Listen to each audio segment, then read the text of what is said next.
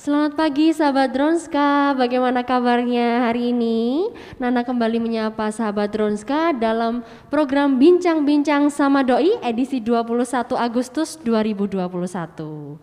Pagi ini Nana sudah bersama dengan Dr. Joko Mulyono, spesialis obstetri dan ginekologi. Selamat pagi Dr. Joko. Selamat pagi Mbak Nana. Bagaimana kabarnya dok? Baik. Baik, sehat selalu ya dok ya? Sama-sama sehat Masih selalu. semangat merdeka ya dok ya? Ya, merdeka. Merdeka.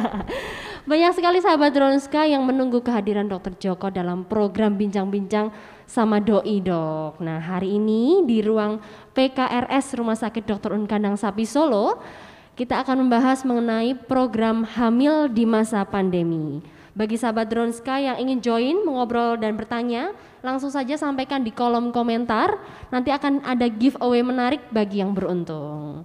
Sebelum mulai berbincang dok, eh, Nana ingin menyampaikan ke sahabat Dronska bahwa di Rumah Sakit Dr. Kandang Sapi Solo selalu menerapkan protokol kesehatan untuk mencegah penyebaran COVID-19 dan juga melindungi pasien, pengunjung, serta karyawan yang ada di dalamnya. Salah satunya dengan menerapkan pemisahan jalur untuk pasien dan pengunjung dengan adanya healthy area seperti ruang menyusui, ruang bermain anak, food court, hingga minimarket. Jadi sahabat Dronska tidak perlu khawatir untuk periksa ke dokter Un Kandang Sapi Solo karena dokter Un tetap aman. Termasuk ruang konsultasi di klinik ibu dan anak juga berada di healthy area ya dok ya. Jadi betul. sahabat Dronska tetap aman. Oke. Mungkin langsung saja dok kita akan eh, mulai bincang-bincang pada pagi hari ini. Sudah banyak sekali pertanyaan yang masuk sebelum kita live ini dok. Nanti di live pasti akan lebih banyak lagi dok. Untuk pembuka mungkin bisa kami berikan kesempatan untuk Dokter Joko untuk menyampaikan dulu mengenai program hamil di saat pandemi. Silahkan dok, dipersilahkan. Ya, selamat pagi eh, sahabat Dronska. Eh, saya akan membawakan program hamil saat pandemi. Eh, tentunya ibu-ibu, mungkin ada bapak-bapak juga yang mungkin yang menonton ya. Eh, saat pandemi ini kita eh, menyadari bahwa ada suatu kondisi yang berbeda ya, bahwa kita sekarang ini menghadapi secara bersama seluruh dunia adanya infeksi COVID-19 ya. Nah, tentunya hal ini akan membawa perubahan ya, perubahan baik dalam tata hidup kita bermasyarakat, secara pribadi. Nah, eh, banyak mungkin dari sahabat-sahabat Dronska akan takut ke pusat-pusat layanan kesehatan karena selama pandemi ini kalau mendengar eh, di pusat kesehatan tentunya kita akan berpikir itu adalah sumber infeksi. Jadi kalau kita datang ada kemungkinan besar akan ketularan. Apalagi kalau setiap rumah sakit di ruang kita ini ada ruang isolasi. Nah, itu tambah mengerikan lagi ya. Jadi eh, semua berpikir bahwa sebuah rumah sakit begitu ada ruang isolasi untuk COVID-19 ini atau kemudian ada eh, jadi pusat rujukan, seluruh rumah sakit menjadi tercemar. Padahal tadi sudah dikemukakan eh, kebijaksanaan dari direksi, kebijaksanaan dari pemerintah pusat itu eh, membedakan ada jalur hijau, ada jalur merah, kemudian juga kita diperlengkapi dengan APD eh, dari yang di poliklinik sampai di ruangan khusus itu eh, semua dikelola dengan baik sehingga kita berharap bisa meminimalkan tidak tertulari dan tidak menulari dengan eh, infeksi yang baru ini. Jadi eh, tadi sudah disampaikan bahwa eh, sahabat Dronska tidak perlu takut untuk masuk ke rumah sakit kita, terutama juga di eh, ruang poli kandungan BKIA itu merupakan healthy area, kemudian screening masuk sudah diterapkan. Tentunya perlu kerjasama antara kedua belah pihak. Jadi sahabat Dronska kalau eh, masuk tentu di screening perlu menjawab dengan kejujuran, perlu juga berhati-hati kalau misalnya sedang rasanya tidak enak badan, batuk, pilek atau itu ya berobat dulu sehingga juga menjaga lingkungan ya. Jadi eh, semboyan dokter Unska tetap aman itu perlu didukung oleh kedua belah pihak ya, tidak bisa kita melakukan sendiri. Nah, eh, saran lain selama masa pandemi ini ya juga sat- satu tadi adalah mengejar vaksinasi supaya kita lengkap. Sehingga semua yang kita perlukan untuk meminimalkan pandemi sampai nanti berlalu berlalu itu uh, bisa terlengkapi dengan baik. Begitu, Mbak Nana.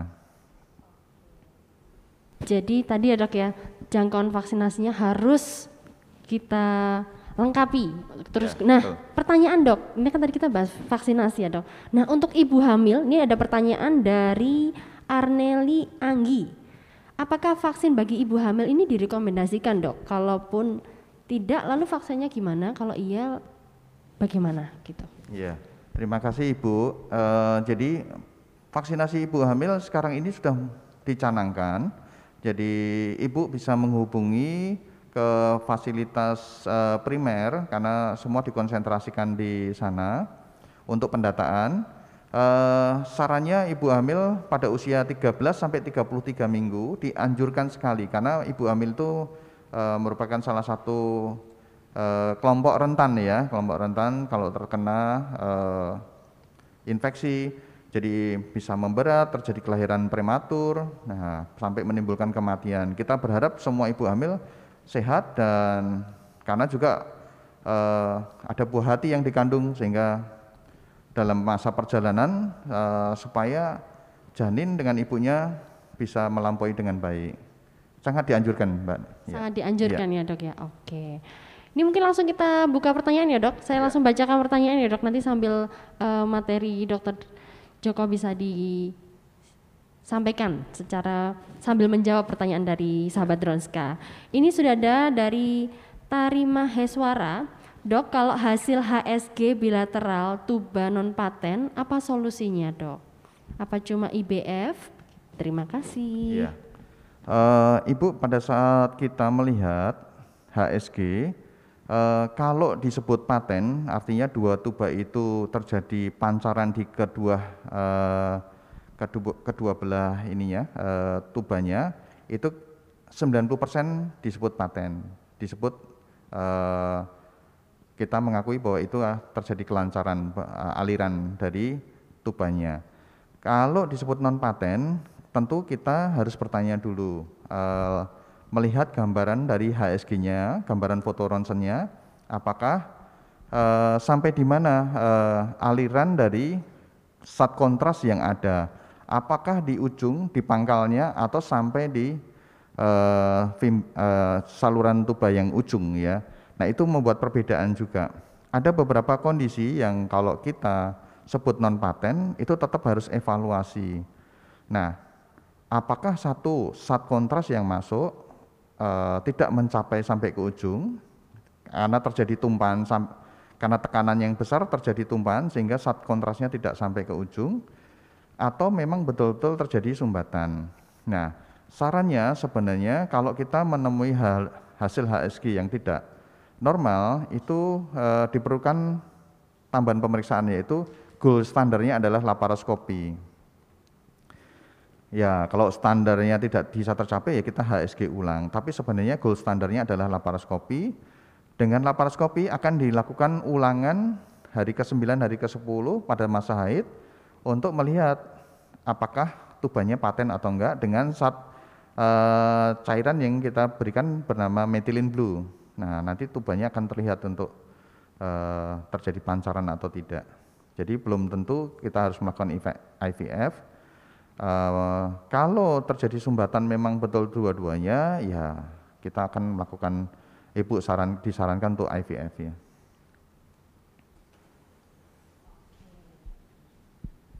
Dok, itu tadi ya dok ya sarannya. Mungkin bisa dilanjutkan lagi dok materinya ke sahabat Tronska mengenai program hamil di masa pandemi dok. Dipersilakan dok. Uh, sahabat Dronska, ya, pada materi ini kalau yang dilihat di layar itu kita mendefinisikan gangguan kesuburan itu apabila satu tahun pernikahan, kemudian hubungan teratur, ya disebut hubungan teratur itu minimal dua kali per minggu dan tidak melakukan kontrasepsi dan belum mempunyai keturunan. Nah, untuk uh, definisi ini pada usia-usia tertentu di atas 35 kita tidak melakukan satu tahun evaluasi tapi enam bulan evaluasi ya Nah, definisi satu tahun pernikahan ini pada pasangan-pasangan yang baru yang di bawah 35 itu kita lakukan satu tahun karena kalau kita melihat grafiknya ini eh, tiap bulan itu pasangan itu akan mempunyai kesempatan untuk hamil ya. Nah, kalau dilihat tuh grafiknya akan meningkat sampai mencapai 85% sampai 90% dalam satu tahun pertama. Jadi artinya kalau setelah satu tahun pertama tidak terjadi kehamilan harusnya dilakukan evaluasi. Karena kalau mau menunggu sampai dua tahun memang 93% itu, tapi terlalu lama. Jadi kalau terjadi problem kita melakukan evaluasinya terlambat, apalagi usia-usianya sudah mencapai titik kritis, akan sayang sekali. Jadi kuncinya adalah eh, kecepatan dan ketepatan untuk melakukan evaluasi ya. Nah, ini ini alasan kenapa harus segera. Kalau kita lihat grafik yang di atas, ya. Nah, ibu-ibu yang grafik berwarna uh, ungu itu adalah uh, kesempatan untuk hamil. Jadi kalau dilihat 20 sampai 25 sampai 30 itu adalah usia-usia emas ya sebenarnya, tapi kita membawa, membawa batas sampai 35. Nah, grafiknya akan menurun dengan tajam itu untuk kesempatan hamilnya. Sedangkan grafik yang hijau menunjukkan bahwa dia terjadi angka kegugurannya lebih tinggi pada usia-usia 35 ke atas. Jadi ini sebenarnya mau menggambarkan kenapa toh kita harus mengejar. Nah, yang di bawah juga sama berkaitan dengan jumlah sel telur. Jadi kalau uh, seorang wanita kenapa ini topiknya pada wanita ya bukan mendiskriminasi uh, mendiskriminasikan wanita bukan ya. Karena memang ada hal yang spesial yang harus diperhatikan yaitu apa? Ya tadi usia berkaitan dengan jumlah sel telurnya juga jumlah uh, kesempatan untuk hamil kemudian juga uh, satu lagi angka-angka kegugurannya lebih meningkat dengan usia yang bertambah. Nah kalau yang grafik yang di bawahnya itu jumlah sel telurnya pada saat itu bisa jutaan sebelum eh, lahir sampai lahiran kemudian terjadi penurunan yang tajam jumlah sel telur pada 20 30 tahun menurun tajam menuju 40 tahun juga akan lebih sedikit jumlahnya. Kemudian angka sel-sel telurnya yang jelek yang di garis merah itu akan meningkat dengan tajam. Artinya apa Bapak Ibu sekalian? Ini tuh eh, satu yang harus diperhatikan. Karena kalau kita mengabaikan usia dengan banyak mitos ya bahwa keturunan itu adalah hak dari yang di atas kita menunggu kemudian juga banyak juga mitos-mitos lain mitos kesehatan ibu-ibu menggunakan obat-obatan atau ke misalnya mohon maaf ya ke orang pintar dan lain-lain uh, usia ini akan terlewatkan pada seorang wanita datang-datang di pusat kes, kesuburan sudah mendekati usia 35 40, usia kesuburannya sudah mulai menurun, apalagi ada yang datang di 40 dengan lama perkawinan yang sudah lama tidak punya keturunan akan sangat terlambat. Pengelolaannya akan lebih susah ya. Jadi kalau bisa tidak ditunda ya dok ya, ya kalau bisa. Sebisa mungkin, sebisa mungkin. ya. Di pusat rujukan kita juga semua harus mempertanggungjawabkan semua uh, tindakan kita. Kalau kita melakukan uh, analisa kasus itu seperti seorang naik tangga. Jadi kalau tangga dasar harus kita lewati, tangga dasar kita nggak bisa lewati, kita harus rujuk. Jadi kasus-kasus itu kita pilih, kita bikin diagnosa, kemudian kita bikinkan perencanaan uh, semampu yang di tingkat kita yang akan kita lakukan. Begitu kita tidak mendetek, eh, mendeteksi tidak mampu atau memang harus dirujuk, kita akan harus rujuk. Tidak boleh kasus kesuburan itu kita pegang uh, selama mungkin. Ya. Oke, oke dok. Nah ini tadi kan mengapa harus segera dok? Nah ini ada pertanyaan dok dari Rista di Solo. Bagaimana ya dok program hamil untuk suami istri yang LDM? Saya dan suami bertemu cuma tiga bulan sekali, tiap bertemu cuma 7 sampai 10 hari. Mohon tipsnya. Nah, berarti khusus yang untuk yeah. long distance marriage ya, Dok yeah, ya? Iya, oke. Okay. Ya, Ibu, uh, tentunya pada kasus-kasus seperti ini banyak ya, karena dalam kehidupan modern ini tentu dua uh, pasangan kadang-kadang harus uh, mencari profesi sendiri-sendiri, harus berpisah. Nah, kiat-kiatnya satu, Ibu harus memperhatikan usia seperti tadi kemudian lama per- perkawinan tentu harus juga diperhatikan. Tidak boleh kita terlalu terlena bahwa karena hubungan jarak jauh sehingga memang eh, dikodratkan agak lama gitu ya. Nah itu itu yang harus diperhatikan bahwa eh, usia seorang ibu, kemudian lama perkawinan, kemudian juga ibu sebaiknya harus mencatat ya, mencatat masa haid, interval haid. Banyak aplikasi di eh, gadget kita ya bisa diambil. Eh, sarannya in- eh, ambil yang bisa menghitung selain masa subur juga menghitung interval haid. Interval haid itu eh, dihitung dari hari pertama haid ke hari pertama berikutnya. Itu di- disebut satu siklus. Normal haid itu antara 24 sampai 35 hari. Artinya ibu ada kesempatan untuk subur. Nah, permasalahannya sekarang kalau ibu haidnya tidak teratur ya.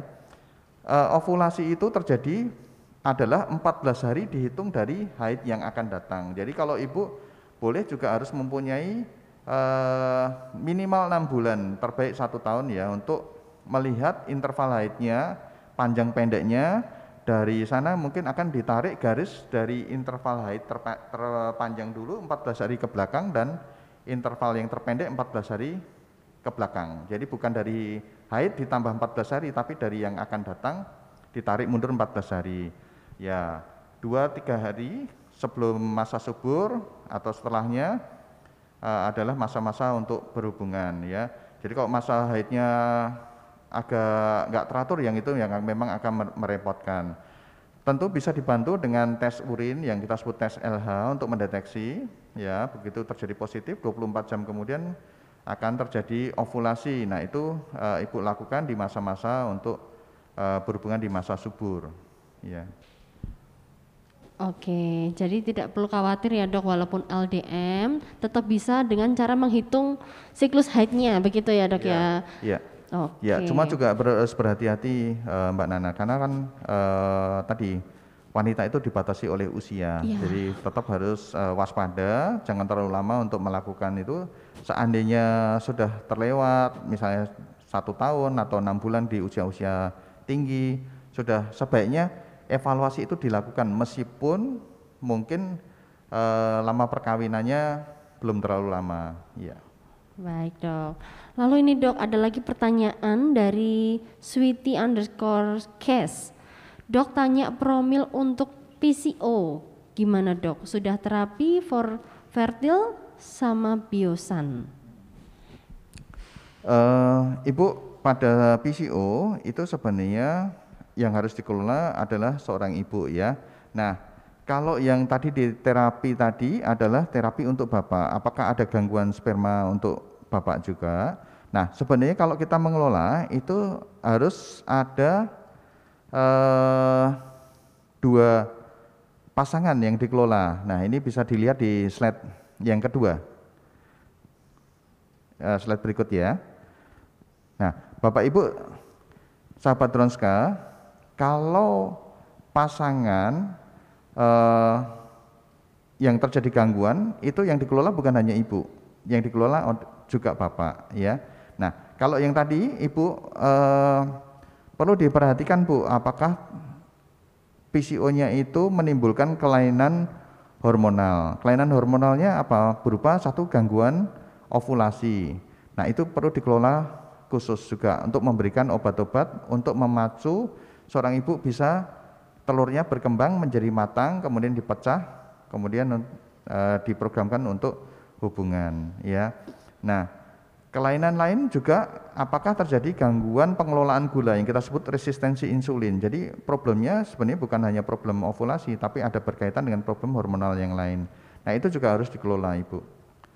Yang dikelola lain tentu eh, ibu secara komprehensif mungkin harus di USG dulu. Apakah ada terjadi kelainan di eh, rahimnya, di indung telurnya, selain yang ovula, eh, PCO itu, kemudian di saluran telurnya, apakah sudah HSG, kemudian tadi sudah eh, obat-obatan, kemudian sudah analisa sperma ya.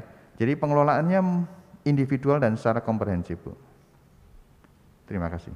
Oke dok, jadi tidak hanya yang perempuan atau ibunya saja, tapi dari kedua pasangan ya dok ya harus di. Jadi men- lebih baik disarankan untuk konsultasi lebih lanjut ya dok keduanya supaya bisa dicek kedua pasangannya. Oke dok.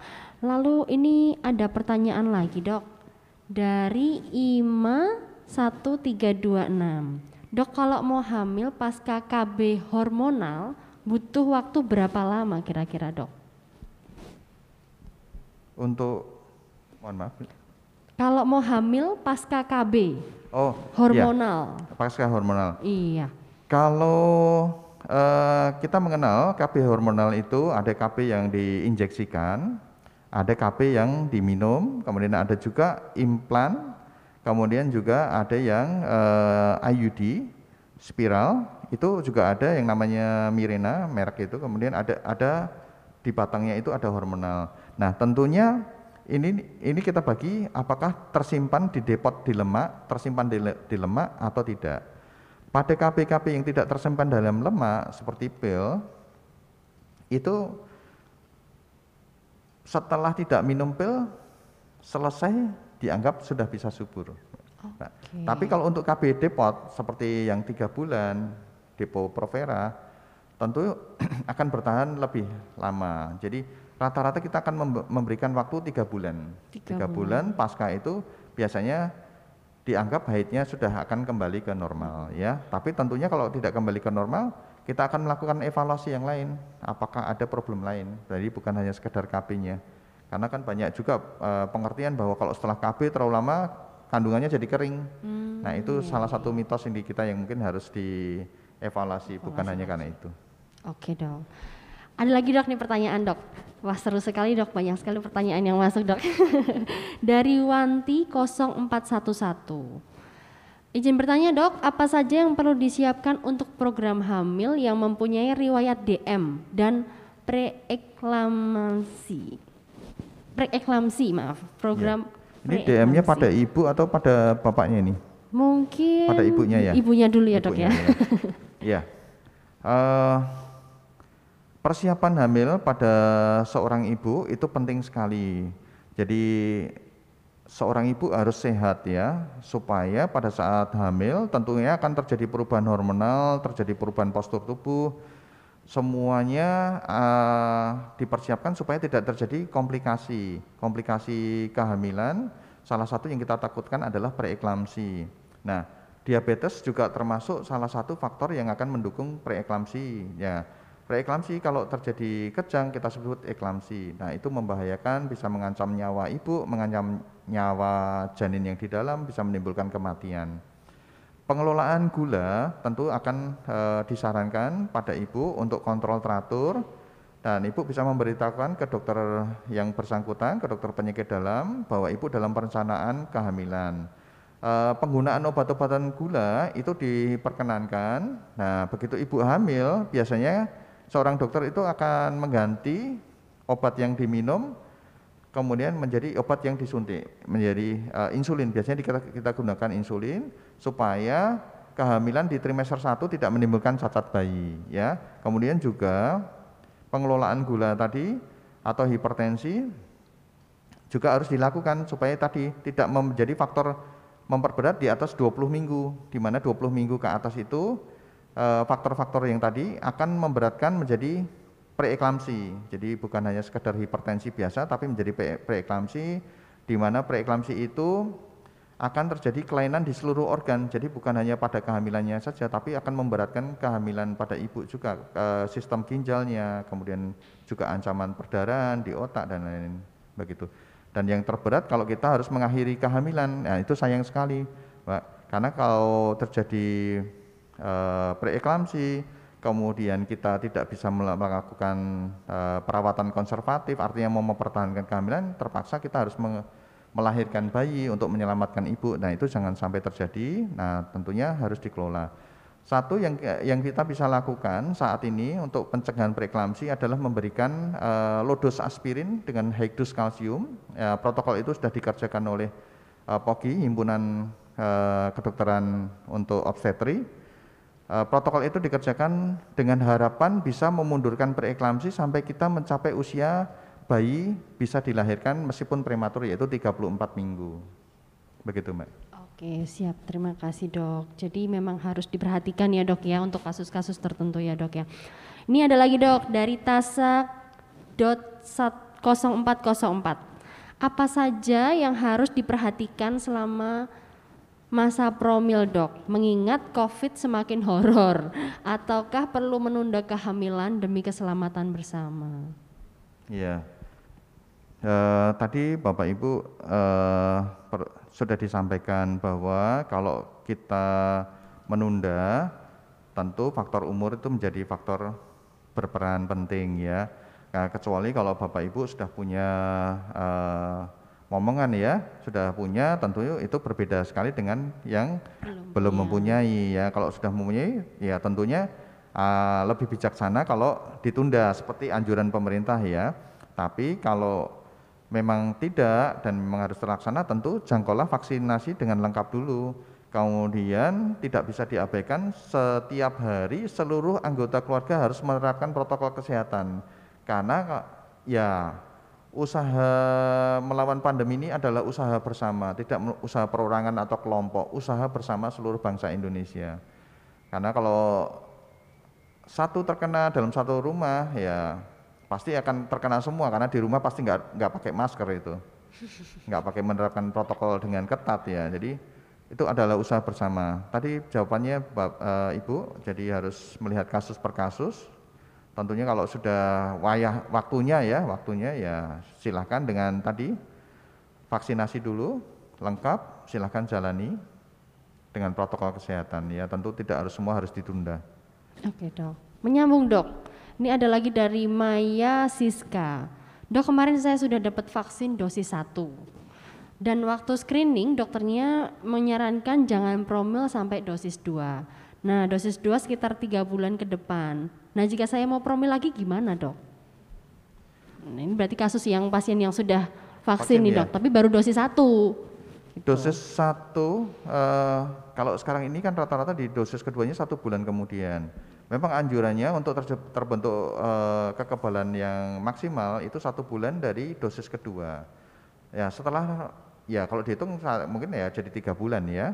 Jadi itu ya memang saran terbaik Bapak Ibu. Jadi jangan melewatkan sampai uh, dosisnya jadi kedua kemudian maksimal satu bulan gitu. Okay. Ya sambil jalan juga nggak apa-apa juga sebenarnya. Kalau kan mengawali untuk program hamil itu uh, banyak rangkaiannya. Jadi kunjungan itu bisa sampai minimal tiga bulan itu tiga kali kunjungan kita sudah harus bisa membuat uh, diagnosa kemudian pengelolaan. Jadi sambil jalan tidak apa-apa sambil menjaga protokol kesehatan uh, melengkapi vaksinasi tunggu satu bulan sampai semuanya uh, menjadi maksimal. Oke dok, siap. Lanjut ya dok ya, dari Wijaya. Dok kalau suami sudah usia 30 dan istri 40, apa masih memungkinkan promil dok? Uh, jadi kembali ke tadi slide yang, yang ya, dok, ya. ya sebelumnya, uh, Ibu Tentunya di kasus-kasus seperti ibu ada pemeriksaan pembantu yang kita bisa mengarahkan ibu untuk uh, lebih cepat yaitu pemeriksaan USG untuk melihat cadangan telurnya. Jadi kita bisa mengetahui secara USG, tentunya USG-nya dari transvaginal ya, jumlah telur tiap indung telur ya, batasnya adalah 6 Selama itu ditambah juga pemeriksaan yang kita sebut AMH, anti Mullerian hormon. Jadi kalau misalnya kadarnya masih di bawah di atas satu setengah sampai tiga, tentunya masih ada kesempatan untuk uh, hamil.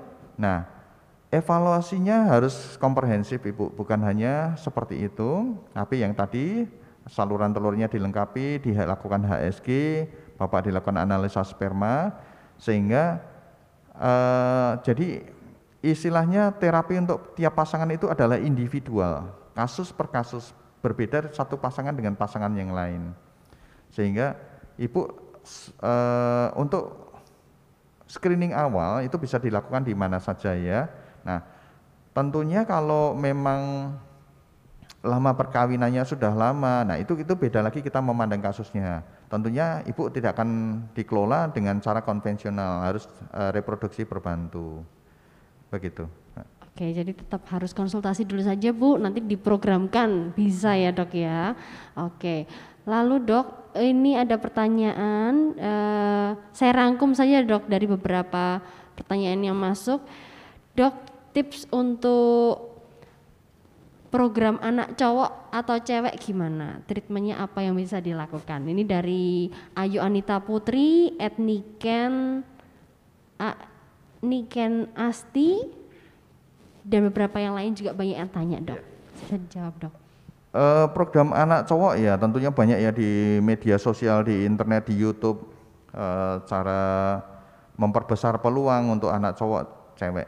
Uh, banyak yang menganjurkan hubungan saat ovulasi untuk anak cowok, kemudian berlawanan kalau untuk anak cewek, kemudian makan uh, banyak yang daging untuk cowok, untuk ibunya, kemudian bapaknya, uh, sorry kebalik ya. Tapi sebenarnya intinya uh, semua itu hanya memperbesar peluang dan belum ada jawaban di ilmu pengetahuan yang mendekati untuk hal-hal seperti itu hanya hubungan saat ovulasi yang diduga bisa memperbesar peluang untuk anak laki-laki dan di luar itu untuk anak cewek ya. Tentunya kalau Bapak Ibu akan yang lebih mendekati tentu reproduksi berbantu ya. Karena kita bisa memilih melakukan pemilihan sperma. Jadi eh, yang menjadikan anak laki dan perempuan itu sebenarnya adalah sperma. Karena sperma itu punya dua uh, kategori ya. Ada X dan Y ya. Jadi itu yang menjadikan anak laki-laki dan perempuan. Sedangkan kalau ibu kan uh, X semua telurnya ya jadi kalau X ketemu X ya jadinya perempuan Y ketemu X jadinya laki-laki. Ya begitu bu. Jadi memang mungkin agak mengecewakan ya jawabannya. Uh, nggak ada yang bisa itu ya lebih banyak dikategorikan untuk uh, pengetahuan umum Bu, jadi uh, tidak tidak istilahnya spesifik harus bisa meningkatkan. Baik, berpasrah pada pemberian yang dari yang di atas ya dok ya. ya. yang penting sehat. Yang penting sehat, betul dok. Oke dok, mungkin bisa dilanjutkan dok untuk materinya kepada sahabat Runska sambil menunggu pertanyaan lagi yang masuk ya. dok.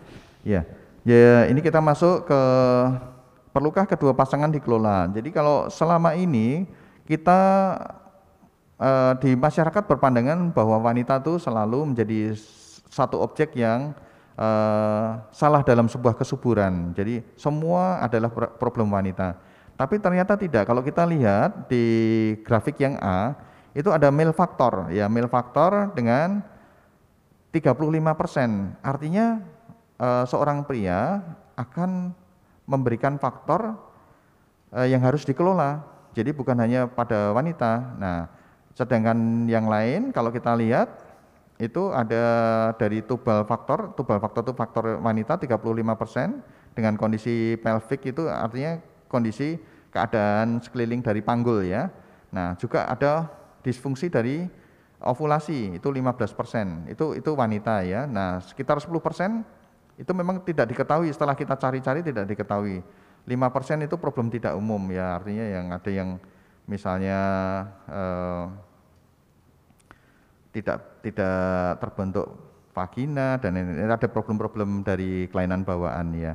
Nah, ini menyambung untuk tadi eh, pendapat tadi. Jadi bapak-bapak tidak usah malu karena kita kalau mengelola kesuburan bukan menyangkut kejantanan ya, meskipun ada ada kadang-kadang berkaitan dengan itu. Tapi asumsi itu seharusnya dijauhkan dulu. Eh, jadi bersedia untuk dikelola sehingga mempercepat pengelolaan dan pada bapak-bapak untuk mengelola itu lebih lebih mudah. Karena yang kita lakukan sebenarnya awal itu adalah analisa sperma. Tentunya ada hal yang harus ditanyakan juga yang lain-lain, tapi pemeriksaannya gampang dan mudah, yaitu hanya analisa sperma, mengeluarkan sperma, masturbasi di laboratorium. Dan bapak-bapak juga tidak perlu malu karena di laboratorium menganggap semua ini adalah bagian dari uh, usaha kesehatan, jadi tidak akan mempertanyakan hal-hal yang uh, di luar kebiasaan ya. Nah, kalau yang kita lihat di B, jadi kalau tadi kita melihat uh, problem uh, pada pasangan ya, jadi ada problem laki-laki, ada problem wanita. Kalau ini kita yang di B ini grafik yang di B kita khusus untuk melihat di wanita. Di wanita kita akan menjumpai 40% itu karena gangguan dari eh, ovulasi. Jadi seorang wanita itu sebenarnya dalam tiap siklus menstruasi goalnya tujuannya bukan menstruasinya tapi ovulasinya. Jadi kalau ovulasi berarti wanita itu hormonalnya sehat, kondisinya sehat ya. Nah, itu 40% ternyata ada gangguan di situ. Nah, 40% di daerah saluran telur dengan dari kondisi dari rahim dan kondisi panggul. Nah, yang menyumbang 10% setelah kita cari nggak ada, ya 10% tadi. Ya, nah kalau problem yang 10% itu problem yang nggak umum katanya ya. Itu penyebab dari pasangan ya. Nah, kalau dari sini kita akan masuk pada khusus yang tadi penyebab pertama adalah penyebab ovulasi.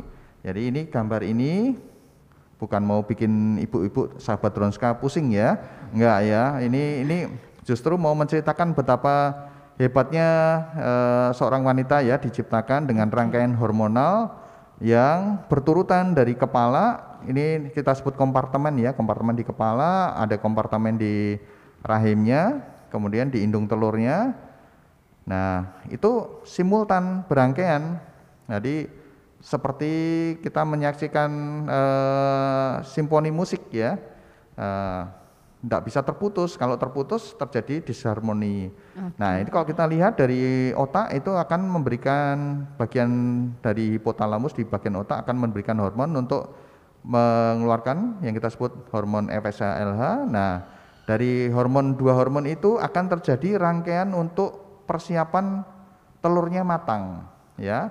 FSH-LH itu akan mempengaruhi indung telur untuk mematangkan telurnya. Jadi memerintahkan mematangkan telur Kemudian pada saat masa-masa ovulasi terjadi semburan LH, nah akan terjadi ovulasi. Nah, selama terjadi pematangan telur, dia akan mengeluarkan hormon yang namanya estrogen untuk memacu sel laput rahimnya untuk menebal, untuk menerima pada saat nanti terjadi ovulasi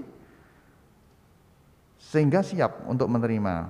Nah, betapa hebatnya rangkaian hormon ini diciptakan Tuhan ya. Kalau terj nggak terjadi salah satu putus, ya telurnya matang tapi nggak ada yang menerima juga nggak bisa. Iya. Nah itu akhirnya pada saat nanti terjadi ovulasi, sel telur yang sudah ovulasi tadi akan memelihara sampai selaput rahimnya e, menerima ke, e, e, hasil pembuahan. Kalau tidak terjadi pembuahan, sel telurnya nanti akan mati, kemudian terjadi luruh, terjadi e, menstruasi, begitu ya. Okay. Jadi memang ini satu rangkaian yang nggak bisa kita pisahkan. Itu kita sekarang masuk ke tadi kan ini bagian yang terjadi gangguan itu gangguan dari ovulasi. Jadi kalau ini di atas tidak terbentuk bisa ter, hormon FSH yang terbentuk akhirnya juga nggak terjadi sel telur. Nah, kalau tidak terjadi sel telur tidak terjadi haid. Nah, itu itu itu gangguan kita sebut level 1 ya. Ada juga yang level 2. Level 2 itu semua normal pengeluaran dari atas normal tapi ternyata sel telurnya tidak mau berespon kecil-kecil semua. Nah itu yang kita sebut PCOS yang tadi yang ditanyakan tadi. Nah okay. terjadi disharmoni ya dari pengelolaan sel telur sehingga tidak mau matang-matang. Ada juga yang terjadi kerusakan di indung telur ya. Ini level 3 terjadi menopause dini. Entah itu karena infeksi entah itu karena uh, genetik. Nah kadang-kadang usia usia kronologis berbeda dengan usia reproduksinya. Kadang-kadang usianya masih muda tapi cadangan telurnya udah menipis okay. gitu. Nah, satu lagi yang kalau terjadi tumor di otak yang kita sebut hmm. hiperprolaktinemia itu juga menimbulkan gangguan haid. Jadi ini kom, uh, intinya kita biasanya akan tanyakan pada awal-awal untuk uh, haidnya teratur atau tidak, kemudian kalau nggak teratur polanya bagaimana. Nah, itu untuk mengelola ini gangguan yang di uh, ovulasi tadi ya. Nah, kalau kita masuk yang ke berikutnya adalah faktor dari tuba dan faktor dari uh, keadaan rahim dan sekelilingnya. Nah, faktor tuba ini kalau Ibu lihat tuh gambar kiri dengan kanan ya saluran telur itu kita punya dua, ibu punya dua. Yang ini kita gambarkan yang sehat ya, yang kanan. Yang kanan yang sehat ya dok ya? Kanan yang sehat ya, okay. yang yang kanan itu yang warnanya uh, orange ya. Kalau yang ini merah tua ya, yang nggak hmm. sehat itu.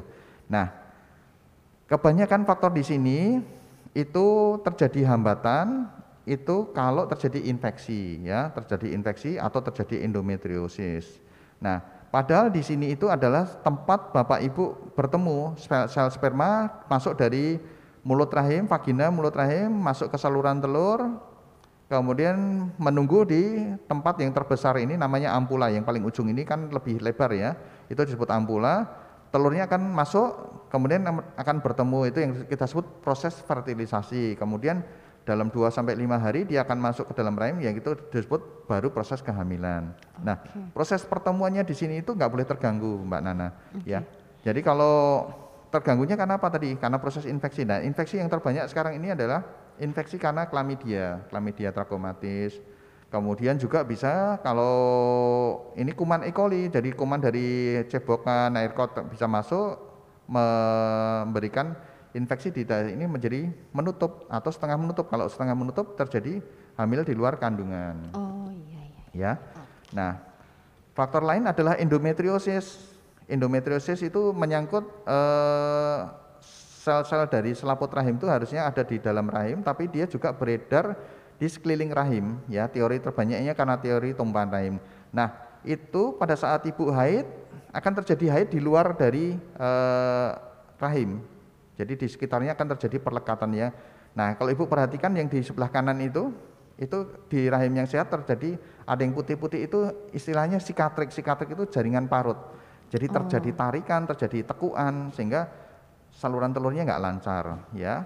Nah, kita masuk ke indung telur indung telur ini terbanyak adalah endometriosis. Jadi endometriosis itu bisa mengenai di dalam uh, telurnya, bisa mengenai di saluran telurnya, juga ada di dalam rahim yang kita sebut adenomiosis ya.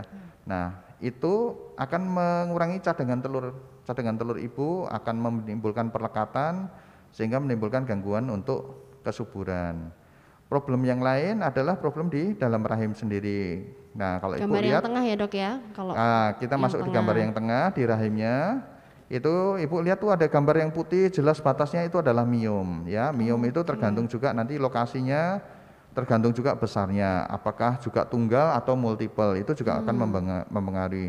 Dia bertumbuh keluar atau bertumbuh ke dalam. Nah, kalau bertumbuh ke dalam, dia akan mengurangi ruangan dari rongga rahim, termasuk kalau sudah uh, masuk ke dalam rongga rahim itu kalau ibu perhatikan ada gambar putih di dalam nah itu itu adalah miom yang tumbuh di dalam rahim juga ada polip polip itu bisa kita lihat juga ya uh, menjadi gangguan nah ini semua ini kita bisa lihat dengan USG transvaginal ya. Kecuali kok miomnya kistanya besar, kita akan uh, butuh pertolongan USG dari perut. Tapi kalau yang kecil-kecil begini, itu USG transvaginal akan akan e, menjangkau dan akan e, istilahnya memberikan kejelasan ya, bukan HSG. Kalau HSG kita nggak akan bisa lihat miom, nggak akan bisa lihat polip itu okay. itu e, kita gunakan HSG itu untuk lihat saluran telurnya ya. Baik, Begitu Bapak Ibu. Nah, mungkin sudah banyak ya dok yang dijelaskan. Nah, pertanyaan terakhir saya dok saran dari Dokter Joko kepada sahabat Dronska baik yang untuk istri maupun suami apa yang harus dilakukan di masa pandemi ini sebagai penutup dok? Karena kan waktu kita hanya satu jam ini sahabat Dronska mohon yeah. maaf. Jadi waktu kita terbatas nanti bisa dilanjutkan di lain kesempatan. Gimana dok? Terakhir pertanyaan dari saya dok. Saran untuk sahabat Dronska di rumah baik yang untuk istri maupun untuk suami apa yang harus dilakukan dok?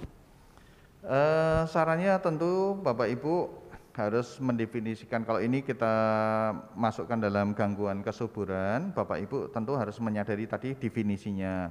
Kemudian kalau memang terjadi baik itu dalam satu tahun pernikahan atau kalau ibu-ibu sudah di atas 35 tahun dalam enam bulan pernikahan harus mencari pertolongan secepat mungkin di semua uh, dokter kandungan yang ada. Itu bisa Bapak Ibu jangkau kemudian menjalankan pemeriksaan semua yang dianjurkan ya. Tentunya kalau kita ibu datang kepada kita eh, kita akan pilah-pilah. Jadi kita akan definisikan apa gangguannya pada ibu atau pada bapaknya. Dua-duanya harus kita istilahnya kita kupas satu demi satu ya. Sehingga problem yang kita simpulkan aja adalah problem yang komprehensif bukan satu masalah. Eh, kalau ya kita temukan apa ya gitu ya. Jadi kita uh, bikinkan program untuk di istilahnya di kupas dan kemudian dilakukan uh, tindakan. Seandainya pun kita tidak itu kita harus merujuk ya. Jadi kita akan membuatkan ibu sehingga ibu bapak tidak usah khawatir. Jadi kalau uh, ada kelanjutannya dan itu nggak boleh patah semangat Mbak Nana. Okay. Jadi banyak kan eh, pasangan-pasangan juga begitu menemui problem menganggap bahwa semuanya selesai padahal itu ada ada kelanjutannya ada ada yang harus ditelaah lagi kemudian harus ada yang dilakukan pemeriksaan di tempat yang lain yang lebih maju begitu sehingga uh, usia itu tidak menjadikan halangan kalau kita dengan cepat untuk uh, naik tingkat istilahnya ya dalam problem-problem yang dihadapi. Oke gitu. dok, terima kasih dokter Joko. Ya, terima kasih. Untuk sahabat Dronska yang mungkin pertanyaannya tadi masih banyak sekali dok, ya. tapi belum bisa terjawab. Eh, mohon maaf, nanti bisa disampaikan ditanya Dronska ya dok ya. ya. Kita juga ada program tanya Dronska, nanti bisa langsung ditanyakan saja. Nanti akan kita jawab setiap tanggal 3 di awal bulan. Oke, uh, Sahabat Dronska yang ingin mengetahui informasi terupdate mengenai pelayanan rumah sakit bisa mengunjungi platform media sosial rumah sakit yaitu kok yang di Instagram, Instagram @dronska. Kita juga ada di Facebook dok, ada di website juga. Seperti yang disampaikan Dokter Joko juga bahwa jangan khawatir ya dok jika menemui permasalahan segera konsultasikan saja. Nanti daftarnya juga bisa kalau ke Dokter Joko bisa melalui aplikasi. Kita sudah ada aplikasi Dronska Mobile dan kita juga sudah ada MCU Premarital, Dok. Nah, untuk sahabat Dronska yang mungkin mau menikah ya, Dok ya, untuk mengecek uh, kesuburan keduanya nanti bisa ambil MCU Premarital. Tuh bisa untuk suami, bisa untuk istri termasuk analisis analisis sperma juga sudah bisa ya, Dok ya. Begitu.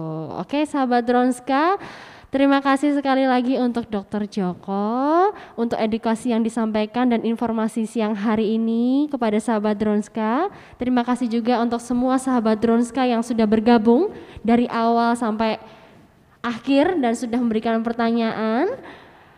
Pemenang giveaway nanti akan kita umumkan besok di hari Minggu, jadi terus saksikan di media sosial Rumah Sakit Dronska. Dan ini dok, ini di sini di samping di tengah nih di tengah kita ini ada jus cafe diet toh. Jadi selain memberikan pelayanan kesehatan kita juga memberikan gizi. Ya nanti sahabat Dronska bisa pesan dokter Joko juga bisa coba nanti. Pasti sehat ya. Iya pasti sehat. Karena dibuat langsung dari buah-buahan segar yang diproses dari cafe diet rumah sakit. Bisa delivery order juga dok. Jadi sahabat Dronska yang di rumah yang pengen nih, wah segar sekali itu yang di tengah ya. Langsung aja delivery, langsung menghubungi ke rumah sakit di WA cafe diet di 081576393333 bisa delivery sampai rumah. Kan modal sekarang nggak harus ke sini ya dok, langsung pesan aja sampai rumah bisa dinikmati. Oke sahabat Dronska, Tetap jaga kesehatan dan makanan yang bergizi. Jangan lupa untuk selalu cuci tangan dengan air mengalir, jaga jarak fisik dengan orang lain, pakai masker dengan benar dan menutup hidung dan mulut. Serta jika ada kesempatan untuk vaksinasi ya dok ya, kita dukung vaksinasi supaya pandemi ini lekas pulih kembali ya dok ya, bisa kita bisa pulih kembali di tengah kehidupan yang normal begitu. Kami selalu berupaya untuk menjaga kesehatan dan kenyamanan sahabat Dronska di masa pandemi dengan adanya healthy area, layanan catering diet, layanan konsultasi online yaitu telemedicine dan juga layanan antar obat sampai rumah. Selamat melanjutkan aktivitas untuk sahabat Dronska.